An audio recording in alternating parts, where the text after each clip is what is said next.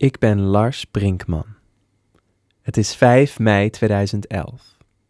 Ik ben 18 jaar en ik sta op het Homo-monument op de Westermarkt in Amsterdam.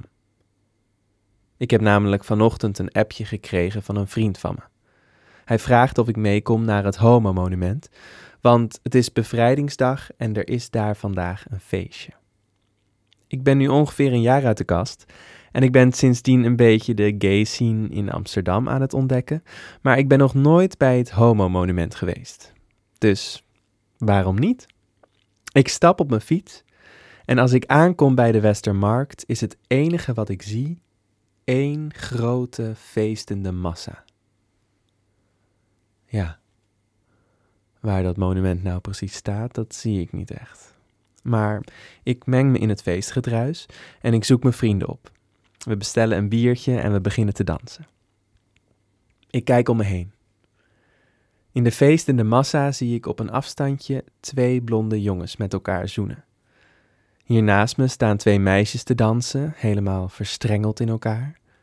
Op het podium staat een drag queen naast de DJ.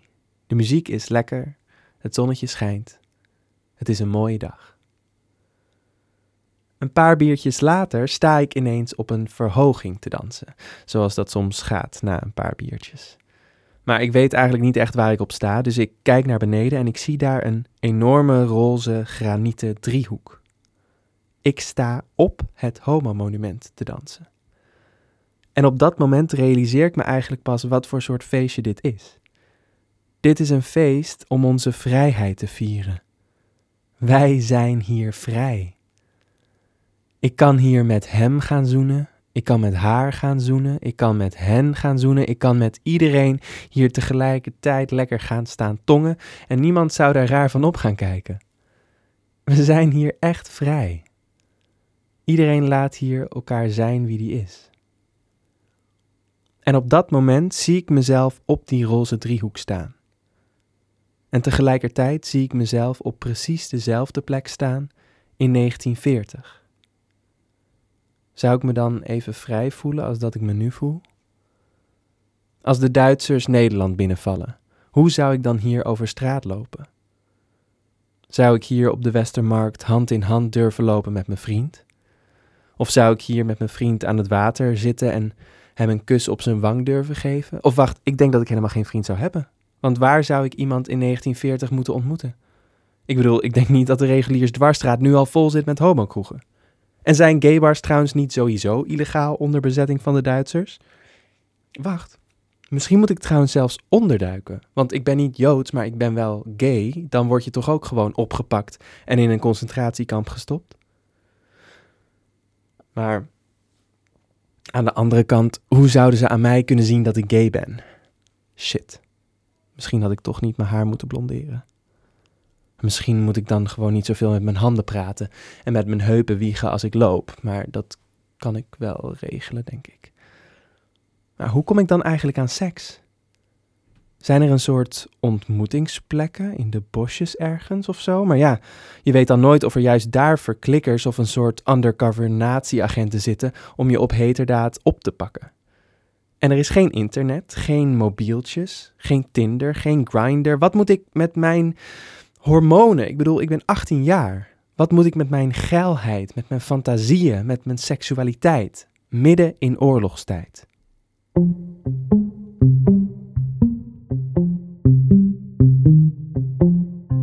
Je hoorde zojuist de openingsscène van Mennerboend, een theatervoorstelling van, hij zei het zelf al, Lars Brinkman.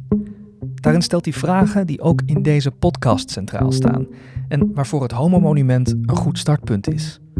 Drie roze driehoeken die sinds 1987 het monument vormen, ontworpen door kunstenaar Karin Daan. Want voor veel mensen is het een fijne of zelfs vanzelfsprekende plek geworden om op 4 en 5 mei te herdenken en de bevrijding te vieren. Roze driehoeken zijn heel lang het symbool geweest voor de homobeweging vanwege de directe verwijzing naar de Tweede Wereldoorlog. Maar hoe zat dat precies en hoe verliep de vervolging van mensen die we in deze tijd zouden rekenen tot de LHBTIQ-gemeenschap? Daarover gaat deze podcast. Ik ben Caspar Stalenhoef en dit is een podcast van Ilia LGBTI Heritage in Amsterdam. Wie op zoek gaat naar gegevens en verhalen uit de oorlogstijd, stuit op iets opvallends. De cijfers, en ja, we weten dat het incomplete cijfers zijn, lang niet alle bronnen zijn bewaard gebleven.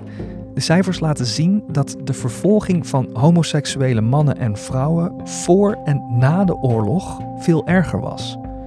Om uit te leggen hoe dat zit en of het klopt, delen we deze podcast op in drie afleveringen: voor, tijdens en na de oorlog. En ik spreek niet alleen met theatermaker Lars Brinkman, die je net aan het begin hoorde, maar ook met twee onderzoekers die zich al tientallen jaren inzetten voor de homo-emancipatie in Nederland. Martien Sleutjes en Judith Schuif, die allebei onder andere actief zijn voor Ilia. Eerst de situatie voor de oorlog. Hierover spreek ik vooral met Martien Sleutjes. Hij is historicus, werd vanaf de jaren 70 homoactivist. Hij werkte bij het Homo-Doc, een voorloper van Ilia, maar ook bij de SOA-stichting, de HIV-vereniging Nederland, het AIDS-fonds, bij de Wereldomroep en uiteindelijk heeft hij ook voor Ilia tentoonstellingen en lezingen verzorgd. Ik vroeg Martien eerst terug te gaan naar 1911, naar de invoering van wetsartikel 248 bis. Dat artikel was bedoeld om homoseksuele contacten tegen te gaan, maar het veroorzaakte meteen ook de eerste strijd voor homorechten en emancipatie. Een advocaat uit Zeeland, Jacob Schorer, die in Berlijn had gezien hoe daar tegen de anti-homo-wetgeving werd gestreden, ging vanaf 1912 vanuit Den Haag hetzelfde doen. Want door artikel 248 bis werd seks met iemand van hetzelfde geslacht strafbaar als een van de twee jonger was dan 21, terwijl voor heteroseks de grens bij 16 lag. Dat legde Martien me uit. Nou, dan moet je even de studentenwereld voorstellen. Mhm. Van iemand die dus 22 was en een vriendje op zijn 18 had opgeduikeld. Ja. Dat was, werd een beetje ingewikkeld. Maar dat was dus om eh, vanuit het idee van eh, ho- homoseksuelen besmetten de samenleving en eh, infecteren andere mensen met het idee van eh, homoseksualiteit. En daarvoor moeten we zorgen dat we die jongeren beschermen. Dat, dat was de, de achtergrond van dat artikel. Maar tegelijkertijd was voor de heteroseksuele eh, relaties was 16 jaar. Want ja, je moet toch Ja, een beetje... Dat was de, dat was de minderjarige leeftijd. Ja, eh, ja. dus dat, eh, nou, daar ging Jonkheer Schorer ehm, als eerste vanuit zijn juridische achtergrond ging daar eh, verzet tegen aantekenen. En die eh, zette toen een, organi- een kleine organisatie op, het NWHK, Nederlands Wetenschappelijk Humanitair Comité. Dat was een beetje een afleiding van wat er in Duitsland was, waar hij zelf ook geweest was. Mhm. Eh, en eh, hij bestookte daarna eh, universiteitsbibliotheken, bibliotheken, overheidsinstellingen met jaarverslagen van zijn organisatie, waar dan het, het idee van homoseksualiteit als iets vies en zondigs werd aangevochten. Ja, eh, om nog even, ik weet niet in hoeverre jij dat zou kunnen, eh, die, situ- die vooroorlogse situatie Ja. te schetsen, überhaupt eh, homoseksueel zijn in Nederland in, laten we zeggen, de jaren 10, 20, 30. eh, kan je er iets bij voorstellen hoe dat moet zijn geweest? Hoe, hoe, hoeveel er was, hoe mensen daarover spraken? Oh, heel negatief. Mhm. Eh, zo- de, de, de beeldvorming eh, was heel negatief en dat werd ook aangemoedigd door eh, nou, vooral confessionele partijen, en, Ja. de, de katholieke partijen. Het is natuurlijk een christelijk land. eh, Ja, ja en, en, en het, eh, het, het vervelende voor die christelijke partijen was dat ze nooit echt een meerderheid hadden. Eh, en dat ze dus altijd wel een beetje afhankelijk waren van een liberale eh, tegenhanger. Maar ook onder die liberale. En da- daarom is de Nederlandse wetgeving, want laten we wel zijn, die, die, die, eh, die Nederlandse wet was in verhouding tot wat er in Duitsland was, artikel 200, eh, paragraaf 175. En de wetgeving in Engeland, nou, was het, was het een, een schijntje. Eh, was het eigenlijk nou meer een, een doekje voor de bloeden. Om zeg maar, de christelijke partijen een beetje eh, Ja, ja. gunstig te stemmen. mhm. Dan dat het echt een methode was om te kijken of dat ze homoseksualiteit uit de samenleving konden rammen. Ja, Eh, niet dat ze dat niet wilden. Alleen, ja, politiek gezien was het in Nederland niet haalbaar. Kreeg Want niet ja, wij, wij, wij zijn eh, zo'n land van eilanden die, waar af en toe een brug tussen gelegd moet worden tussen die verschillende eilanden. Politici of organisaties of religieuze organisaties, die, die uh, maakten zich daar misschien wel zorgen over of hadden het erover. Maar hoe zichtbaar was het eigenlijk? Niet. Nee. Nee. Nee, dus ja, waar reageerden ze eigenlijk? Waar, waar, waar kwam hun beeld vandaan? Of, weet ja, je, uit, uit, uh, um, uit politieverslagen en uit de lijsten die de politie aanlegde. En, dat werd toch wel op het basis van dat artikel 248 bis, was dat toch de, de, het gevolg? Dat, dat politie het wel in de gaten ging houden? Ja, ja, ja, ja. nee, de, de politie was eigenlijk strikter dan, uh, dan de politici.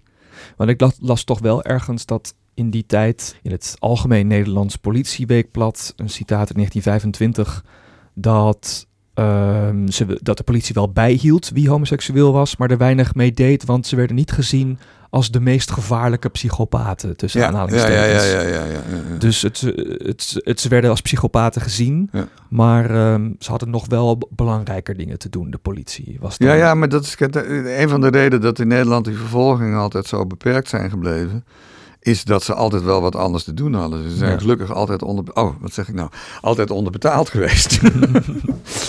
Te weinig mankracht gehad. Ja, dus dat is nog. Uh, maar nee, en er, er, er, is ook een. Er is een uh, en dat, dat vind ik wel grappig dat uh, later onderzoek heeft aangetoond dat hun visie op homoseksualiteit, ook de visie van de politie, anders is dan de visie van de politie in Duitsland. In, in Duitsland werden uh, door de, de, de, strengere wetgeving werden zowel uh, zeg maar, meerderjarigen als minderjarigen opgepakt. Dat en is die paragraaf 175, 175 die gewoon veel strenger was dan strenger, ja. ons wetartikel. Ja, en die werd nog eens een keer ja. extra streng gemaakt. Precies. In, in Nederland werd, de, de, werd, was de homoseksueel was de verleider. Dus de meerderjarige was de verleider en die, die minderjarigen, dat waren de, altijd de onschuldigen. Uh, oh, die waren zo verschrikkelijk onschuldig. Ja. Dus die, nou, en in Duitsland was het precies omgekeerd. Daar werden de, de jongeren aan, uh, die werden behoorlijk streng gestraft in, hun, in de Duitse wetgeving. Omdat de, de, de schuldvraag niet meerder of minderjarige was, maar wel of niet homoseksueel gedrag. Überhaupt, ja. En die, nou, die jongeren, als we die vroeg straffen, dan kunnen we ze misschien ook nog op het rechte pad brengen. Ja. Ja. Uh, dus de, ik denk dat we kunnen er niks mee. Is, ja, zolang, uh, zolang deze mensen geen uh, pornozaak beginnen of een, een bordeel... of we ze niet kunnen betrappen op meerder of minderjarigen in hun omgeving... ja, kunnen we ze ook gewoon wettelijk niks maken. Ja. En dat, dat is... De, het, het, is... Het klinkt leuk... Maar als je kijkt naar hoe de politie over homoseksuelen dacht, ja, dat is uh, nou, psychopaten. Ja, nou, dat, dat, dat is een beetje het algehele, algehele idee. Dat was het beeld. Ja. Er was dus een verschil tussen Duitsland en Nederland. Hier was alleen de meerderjarige strafbaar, daar ook de minderjarige. En ook al was het aantal veroordelingen laag en ontstond er zeker in Berlijn een homoseksuele subcultuur, waar Jacob Schorer dus ook had rondgekeken, toch beïnvloedde de dreiging van straf het doen en laten van mensen. Want artikel 248 bis sprak over maximaal vier jaar gevangenis. Voor deze podcast sprak ik ook met Judith Schuif. Zij is bestuurslid van ILIA, historicus en archeoloog. Ze was ruim 20 jaar verbonden aan de Universiteit Utrecht, waar ze medeoprichter was van de werkgroep Homo-studies. Ze heeft zich ook actief ingezet voor oorlogsgetroffenen en ze schreef met Klaus Müller biografieën over homoseksuele verzetstrijders in de bundel Het begint met nee zeggen. Judith vertelde me dat in die vooroorlogse situatie de politie actief lijsten bijhield van mensen die zij beschouwde als homoseksueel.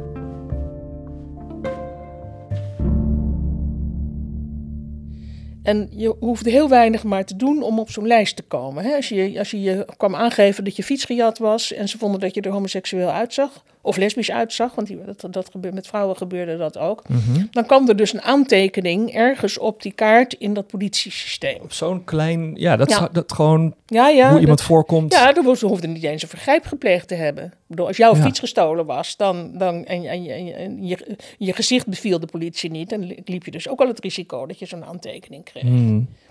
Het was natuurlijk, hè, 248 bis was verboden. Dus ze hadden in principe nog wel een soort rechtsgrond. Omdat ze kennelijk in hun gedachten dachten dat iedere homoseksueel in, in, per definitie een overtreder van 248 bis kon Ja. zijn.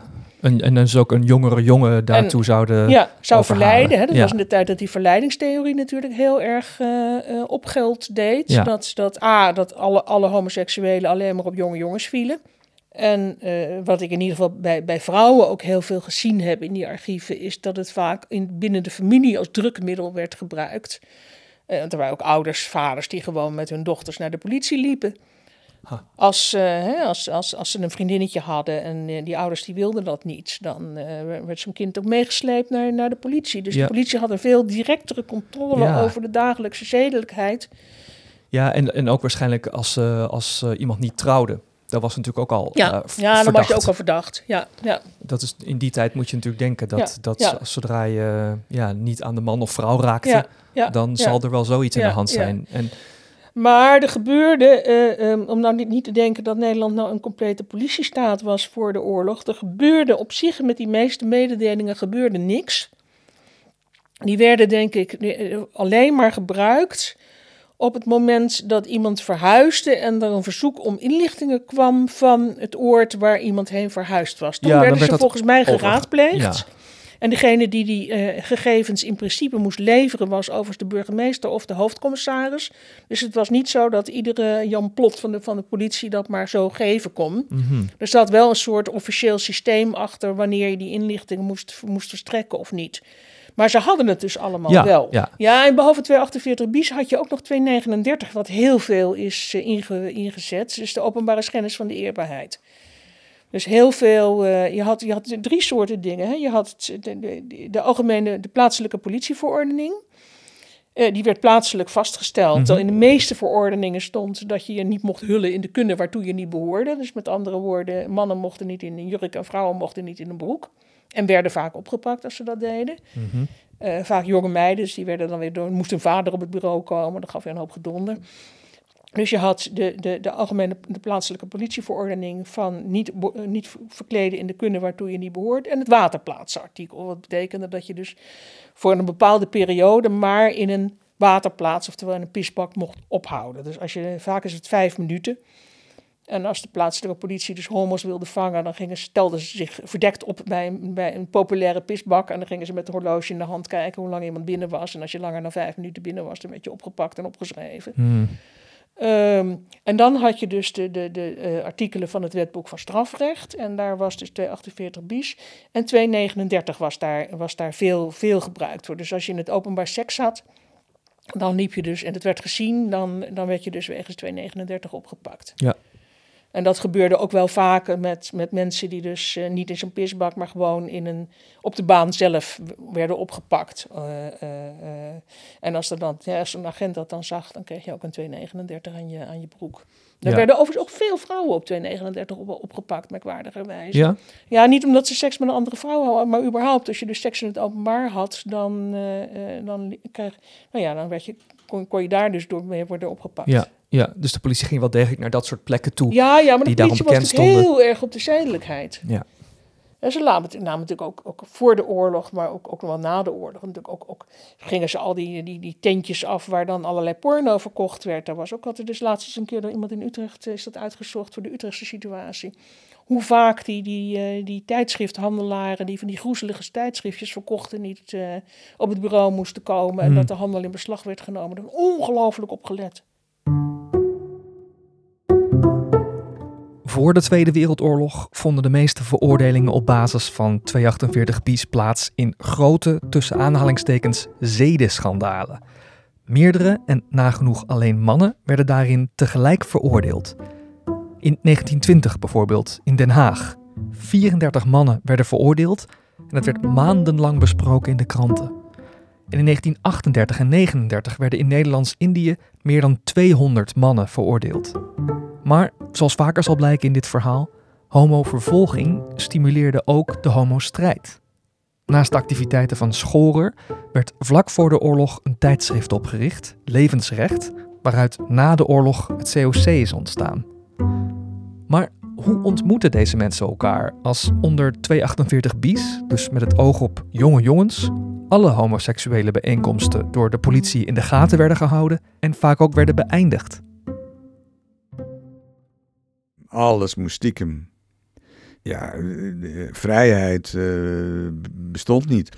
Kijk, wat wel uh, betekent is hoe waren ze dan georganiseerd? Ja, want uh, Jaap van Leeuwen, Han Diekman en Niek Engelsman vonden elkaar wel. Ja.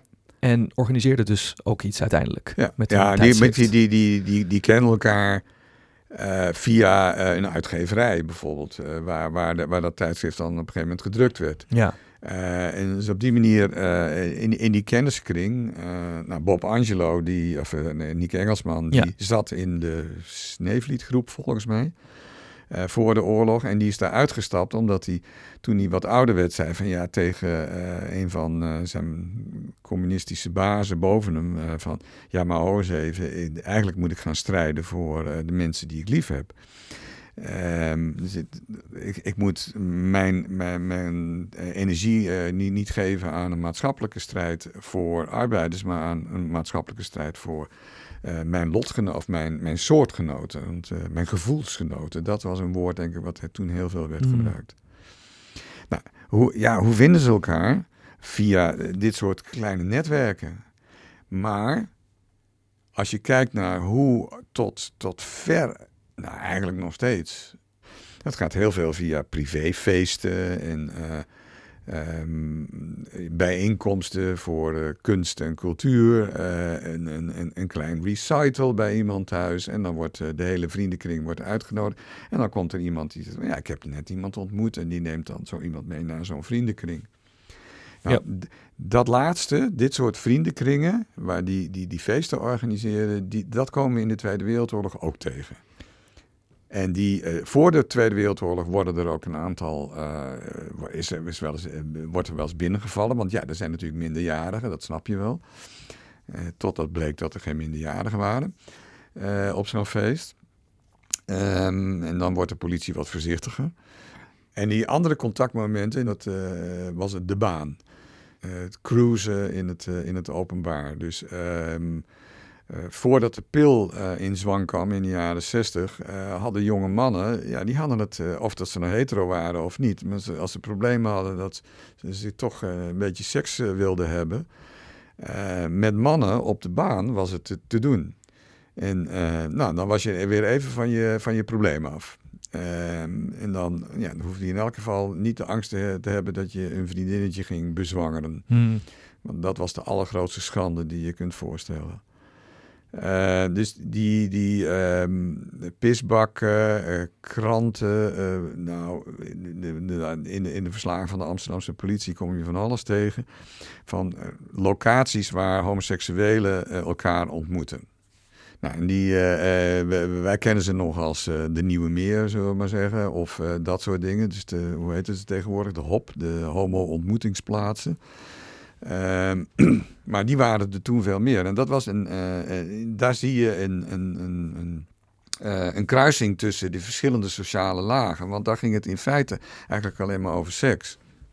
En het grote voordeel daarvan is dat als, als mensen op een gegeven moment vanuit die sekssituatie um, um, echt tot een soort relatie kwamen en ze dan werden meegenomen naar zo'n privéfeest, mm nou, dan groeide dat netwerk weer. Ja.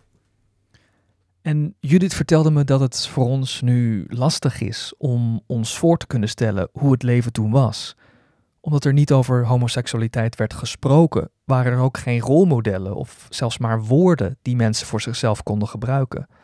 Dat maakt het zicht op de vooroorlogse situatie lastig. En misschien nog wel meer als het gaat om lesbische vrouwen. En vrouwen hadden het aan één kant natuurlijk moeilijker, omdat het voor vrouwen veel moeilijker was om een zelfstandig economisch bestaan op te bouwen. Dus die moesten haast wel trouwen, omdat ze anders niet te eten hadden. Ja.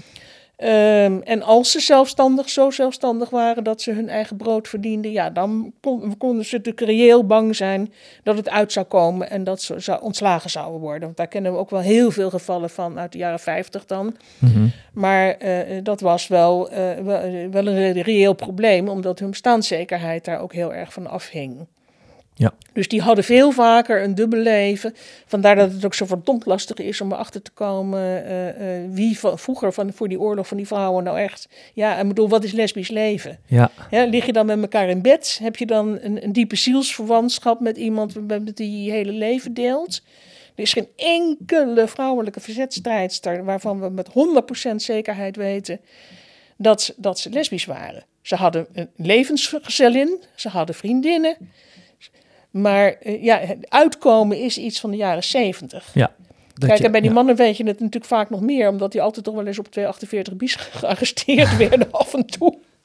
Of bij een pisbak werden opgepakt. Maar, eh, maar dat, is, dat, dat is heel lastig, omdat het zo, zo verdekt was allemaal. Ja, en inderdaad dat ze het, inderdaad het uitkomen, zeggen dat je het bent. Ja, ja Dat- dat, deed, niemand. niet. Nee. Niemand zei dat, dat. In voor 1968 was er niemand. Ja, Benno Premselaar op de televisie in 1964. Ik denk dat dat de eerste is geweest in Nederland die dat gezegd heeft. Hè, openlijk van ja, ik ben, eh, ik ben zo. Dat had overigens ook direct met de oorlog te maken, omdat hij te ondergedoken had gezeten als Jood.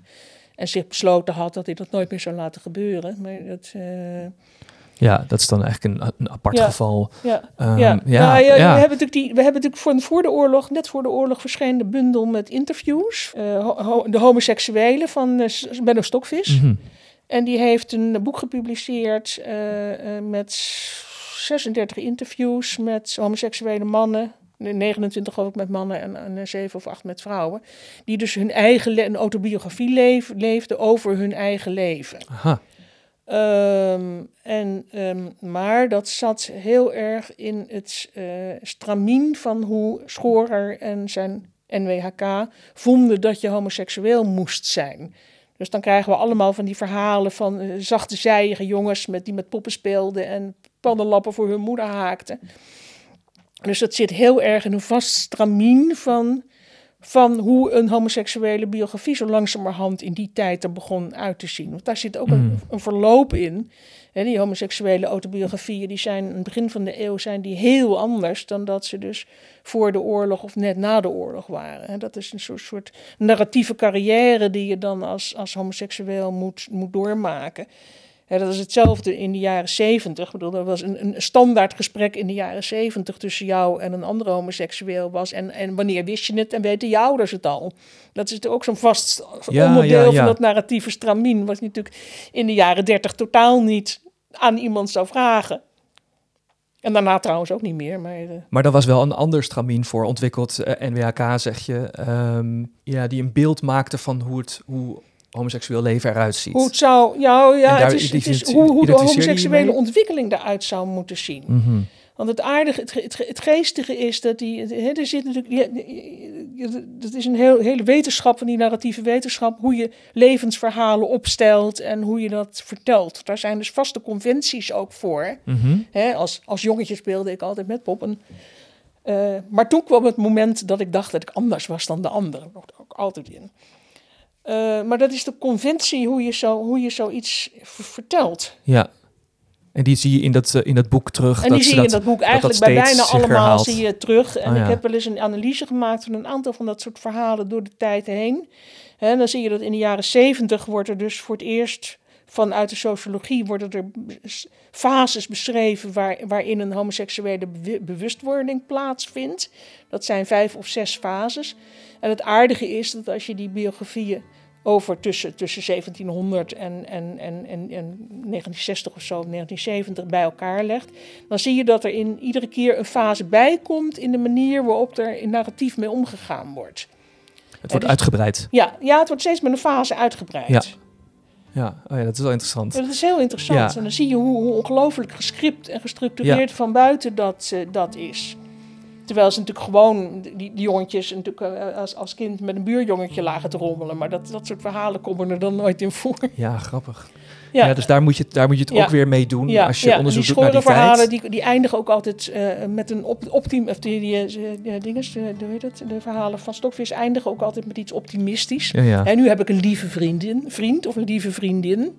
Dus er zit ook altijd een, een, een soort, soort catharsis in waarin het goed komt met de persoon. ja dat dus je kan echt- daar eigenlijk niet heel erg Nee. veel uit opmaken. Nee. Behalve dat je ziet dat het een fase in een historisch proces is. Ja. Dus je ziet hoe belangrijk woorden zijn. Maar als er al iets over werd gezegd of vastgelegd in persoonlijke archieven of bij instanties, is er niet veel van bewaard gebleven. Dus om je een voorstelling van die tijd te kunnen maken, heb je niet alleen de opgespoorde, overgebleven verhalen nodig, maar ook inlevingsvermogen. Aan het begin van deze podcast hoorde je het begin van Mannerbund, het theaterprogramma van Lars Brinkman, dat ook over dit dilemma gaat. Hoe vorm je een beeld? Of letterlijk, hoe kun je een voorstelling maken van het leven in die tijd? Hier volgt nog een fragment uit het stuk van Lars. Het is februari 2019 en ik ben een voorstelling aan het maken over homoseksualiteit in de Tweede Wereldoorlog voor Theater na de Dam. Waar begin ik? Mm, Google, altijd een goede plek. Ik typ in homo in de oorlog. Ik kom eigenlijk vrij snel bij het volgende radiofragment waarin Anna Thijsseling, een historica, aan het woord is. Nou, dan zie je dat die vervolging uh, uh, vooral, die moet je vooral plaatsen in de, in de fase voordat de Tweede Wereldoorlog uitbreekt. Zowel waar het gaat over Duitsland als Nederland.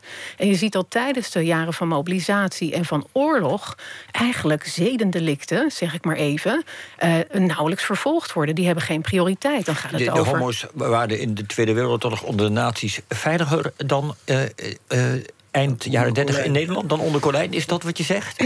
Dat is een mooi eh, contrast. Uh, en ik, voordat ik daar een harde ja of nee op ga zeggen, wil ik gewoon vooral benadrukken dat die vervolging zit hem in de tijden voor 1939. En je ziet dat heel goed terug in statistiek.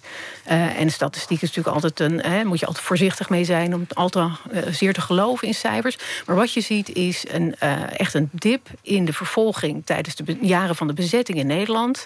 En een, en een echte extreme piek in 1949. Dus wat we kennen als de jaren van bevrijding en wederopbouw. Dat is nou juist voor de homogemeenschap in Nederland de, de fase waarin het oppassen geblazen is. Maar is, dan de kern van het probleem dat iedereen een. Even later in dit radio-interview vertelt Anna Thijsseling dat de bezettingstijd ook een tijd van feest was voor de homoseksuele gemeenschap. Ze vertelt bijvoorbeeld dat er in Den Haag een bar was die zich omvormde tot homokroeg om de jaren van de bezetting door te komen. Ze vertelt ook over een gemaskerd bal in Den Haag, waar homo's en lesbiennes uit het hele land verkleed samenkwamen. En daarnaast ontdek ik dat er tijdens de bezetting vier nieuwe homokroegen openden in Amsterdam, waaronder Café de Marathon in de Reguliersdwarsstraat en Café Toorbekken op het Torbekkenplein. Welkom Lars in deze podcast. Dankjewel. Jij bent uh, acteur en theatermaker. Ja, klopt. En uh, ik mag jouw leeftijd zeggen, je bent 29. ja, ik ben 29 en ik vind het al heel oud. uh, want terwijl we deze podcast maakten en ik daarvoor met mensen in gesprek ging die iets ouder waren dan, dan jij, mm -hmm. dachten we het is ook goed om iemand aan het woord te laten die jonger is. En jij was precies toen wij ermee bezig waren, bezig met een voorstelling. Ja. Een theaterstuk eigenlijk. Klopt. Um, die heel veel raakvlakken heeft met ons onderwerp. Mm -hmm. En um, nou ja, dit is een onderwerp waar sommige mensen veel over weten, sommige mensen minder. We, wij zijn, uh, we hebben alles op een rijtje, het onderzoek gedaan. Jij dus ook. Jij, hoe, hoe, waar, hoe, kwam Ja. jij, hoe, hoe kwam jij op dit onderwerp? Ja, nou ik wil ook zeggen, ik ben niet een onderzoeker hoor. Ik ben echt eh, Aha. theatermaker, maar ik heb wel eh, inderdaad onderzoek gedaan hiernaar. Eh, ik vind je een beetje een onderzoekende theatermaker, zeg maar Ja, dat klopt denk Maar ik wel. Misschien Ja. doen wel heel veel theatermakers dat, maar van jou heb ik het in ieder Ja. geval echt begrepen. Dat je echt wel, ehm, nou ja, je bent erin gedoken. Ja, ja, klopt. Ja. Ehm, ja, hoe dat is begonnen. Ik, ik werkte toen er tijd, ik heb, dat was denk ik in 2018 of 19? 19, 2019. Werkte ik met iemand samen van Theater na de Dam. Ja. Ehm, ik weet niet of je dat kent. Dat is een eh, soort ja, eh, theater. ehm, Het is bijna letterlijk wat het is, toch? Theater na de Dam op, op 4 mei. Ja, op 4 en 5 4, mei, 5 mei. na de herdenking, om dan met z'n allen de theaters in te gaan en Ja. naar verhalen te luisteren eh, over de Tweede Wereldoorlog. Ja. Ehm, en zij vertelde daarover en toen dacht ik, oh grappig, dat is eigenlijk iets waar ik nooit over nadenk, de Tweede Mhm. Wereldoorlog. Eh, dat is voor mij zo'n abstract, ver weg gegeven. Maar ehm, hoe ging het eigenlijk met mijn community in de Tweede Wereldoorlog? Door die vraag eh, was ik soort van ja, nieuwsgierig geworden. Ja. En toen ben ik een heel klein beetje gaan opzoeken. En toen kwam ik eigenlijk dat, eh, ja, die feiten tegen over ehm, dat er in cijfers een grote daling is geweest. Ja. Als het gaat om vervolgingen om homoseksuelen in Nederland. ja. En ik vond dat zo'n. Ik, echt, ik voelde gewoon even de, de grond om, onder mijn voeten schudden. Omdat het zo anders was dan wat ik me- erbij had voorgesteld. Wat je ook hebt gehoord in het eerste scène. ja, dat wil ik net zeggen. In het begin, daar vertolk je eigenlijk het idee dat je eerst had. ja, ja. En wat heel veel mensen denken wij ook wel Ik eh, denk, eerst voor mijn gevoel, bijna iedereen die, die daar staat te dansen op 5 mei, eh, die, die, die denkt dat. Op Ja. die, door die roze driehoeken van. Ja. Precies. Eh, dus, dus doordat ik dat las, dacht ik van, oh mijn god, waarom weet ik dit niet? Waarom heeft niemand dit tegen mij gezegd? Waarom, eh, ik, moet, ik moet hier iets mee doen. Dit Ja. moet verteld worden. Eh, Ja. Wat ligt hier eigenlijk allemaal achter? En dat was de start van een veel groter onderzoek. Ja. Ja. En, en eh, daarom noemde ik je net ook een onderzoekende theatermaker. omdat je dus eigenlijk ook in dat theaterstuk, waarin jij. Het is een monoloog, hè? Ja, En klopt. je staat alleen op het podium en jij vertolkt daarin naar jezelf, zoals je dat eh, in het begin van deze podcast ook hebt gedaan. Mhm. Eh, maar je vertolkt veel meer mensen. Ja, klopt. Eh, dus de- die, daar, je zoekt voor al die verschillende mensen en perspectieven woorden. Maar waar je ook plaats voor maakt, is ja, dat onderzoek zelf. Hè, hoe je dus ook groeit in dat onderwerp, hoe je meer, langzaam meer te weten komt. Ja, ja. Ja, het was voor mij eigenlijk belangrijk om ehm, historische homoseksuele figuren, personages een stem te geven. En de voorstelling eh, is dus een soort raamwerk geworden van allemaal verschillende ehm, ja, personages. Ja. Waaronder één daarvan ikzelf ben, die daar onderzoek naar doet, naar ja, al die precies. personages. Ja, ja. Dus eh, ja, dat, dat is een beetje hoe het in elkaar zit.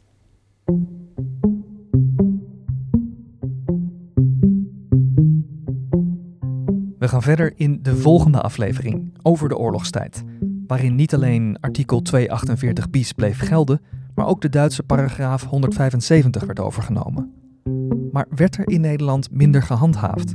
En was de nazi-ideologie altijd al gekeerd tegen homoseksualiteit? Dat hoor je in de volgende aflevering. Ik ben Caspar Stalenhoef en dit is een podcast van ILIA LGBTI Heritage, de erfgoedorganisatie op het gebied van LHBTIQ in Nederland. Met de grootste collectie van Europa over LHBTIQ geschiedenis, leefwereld en cultuur. Te vinden in vestiging Oosterdok van de Openbare Bibliotheek Amsterdam. Deze podcast is gemaakt en geschreven door Caspar Stalenhoef in samenwerking met Lars Brinkman en met bijdrage van Martien Sleutjes en Judith Schuif. De podcast is mede mogelijk gemaakt door een bijdrage van het Mondriaan Fonds in het kader van de regeling 75 jaar vrijheid.